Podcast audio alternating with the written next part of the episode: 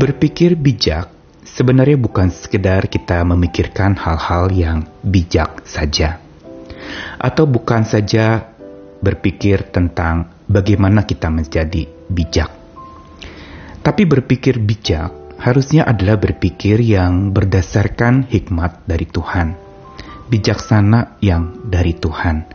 Di saat-saat serba genting dan penuh dengan pergumulan hidup, berpikir bijak sangatlah mutlak perlu untuk kita praktikkan senantiasa, supaya kita tidak disesatkan oleh berbagai macam upaya-upaya sekeliling kita yang dapat membuat kita menjadi ambil tindakan bodoh atau melakukan sesuatu tanpa berpikir panjang.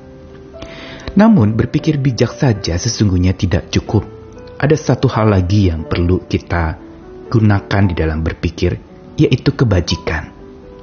Berpikir kebajikan atau berpikir segala hal yang bajik itu berarti berpikir segala sesuatu yang mendatangkan kebaikan, bahkan di tengah-tengah keburukan yang sedang kita alami.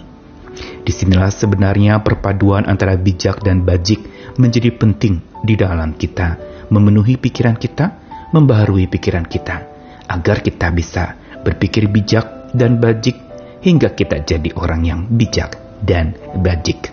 Saya Nikolas Kurniawan kembali menemani dalam Sabda Tuhan masih melengkapi Filipi pasal 4 ayat 8. Kali ini satu kata yang akan kita renungkan bersama. Jadi akhirnya saudara-saudara, semua yang disebut kebajikan, pikirkanlah semuanya itu.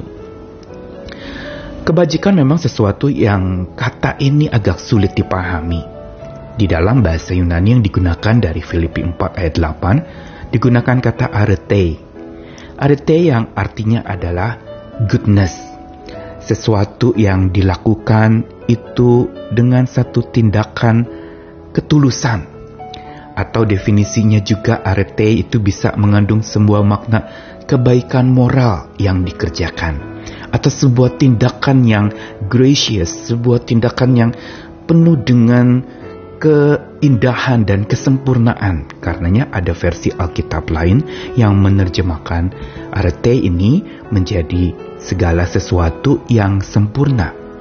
Tetapi sesungguhnya penekanan dan penegasan dari kata arete ini adalah sesuatu yang berkaitan justru dengan kebajikan. Apa itu kebajikan? Kamus Besar Bahasa Indonesia menjelaskannya dengan sangat baik, yaitu segala sesuatu yang mendatangkan kebaikan Itulah yang disebut kebajikan.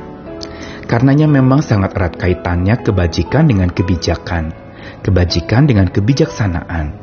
Karena tanpa bijak yang dari Tuhan kita tidak mampu untuk menjadi orang bajik, apalagi berpikir hal-hal tentang kebajikan. Namun dalam praktek sehari-hari, apa artinya berpikir bijak dan bajik ini? Berpikir bajik sesungguhnya memikirkan semua yang disebut kebajikan berarti mampu menemukan bahwa di balik segala hal yang mendatangkan keburukan dalam hidup kita, ada Sang Maha Baik yang selalu mendatangkan kebaikan. Sesuai dengan arti kata dalam Kamus Besar Bahasa Indonesia, kata kebajikan yaitu segala hal yang mendatangkan kebaikan. Dan ini berarti berkaitan dengan perspektif kita di dalam melihat segala sesuatu yang buruk yang sedang menimpa hidup kita. Yaitu bahwa kita perlu menemukan di tengah-tengah buruknya kehidupan kita, ada yang Tuhan sedang kerjakan untuk mendatangkan kebaikan dari hidup kita dan di dalam hidup kita melalui hal-hal yang buruk itu. Di sinilah mata iman menjadi penting untuk melihat segala sesuatu yang terjadi. Yang buruk sesungguhnya tidak selamanya buruk dan sepenuhnya buruk. Mari kita boleh temukan bahwa segala sesuatu yang sementara itu termasuk keburukan itu akan diganti dengan kebaikan yang kekal, dan itulah yang dinamakan kebajikan. Selain itu, kebajikan inilah hal-hal yang mendatangkan kebaikan inilah yang harus terus-menerus kita pikirkan. Karena dengan terus-menerus kita pikirkan, itu akan memberikan kelegaan kepada kita. Dan bukankah kebaikan itu akan datang menghampiri kita terus karena kita selalu berpikir kebajikan. Berpikir bahwa segala yang buruk sekalipun itu akan mendatangkan kebaikan ada sesuatu pesan yang penting di tengah-tengah segala macam tekanan hidup yang sedang mendesak hidup kita. Ada satu kekuatan yang baru yang Tuhan berikan di tengah-tengah usangnya atau bosannya hidup kita. Dan di balik segala sesuatu perkabungan yang sedang kita hadapi atau alami, selalu ada cara Tuhan untuk mendatangkan kebaikan lewat masa-masa sulit dan susah itu, masa-masa sedih dan perih itu. Tuhan akan selalu mendatangkan kebaikan itu. Karenanya berpikir bijak dan bajik semua bersumberkan kepada Sang Maha Baik dan Maha Bijak yaitu Tuhan kita.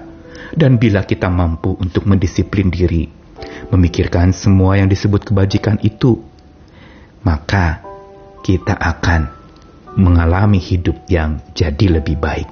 Bahkan pribadi kita menjadi pribadi yang bijak dan bajik, serta menjadi pribadi yang baik. Tentu saja baik oleh kekuatan maha baik dari Tuhan. Selamat melakukannya, selamat berpikir bijak dan bajik. Tuhan selalu menyertai kita, makin membuat kita dewasa, makin membuat kita matang oleh kekuatan Dia yang sudah menang atas maut. Amin.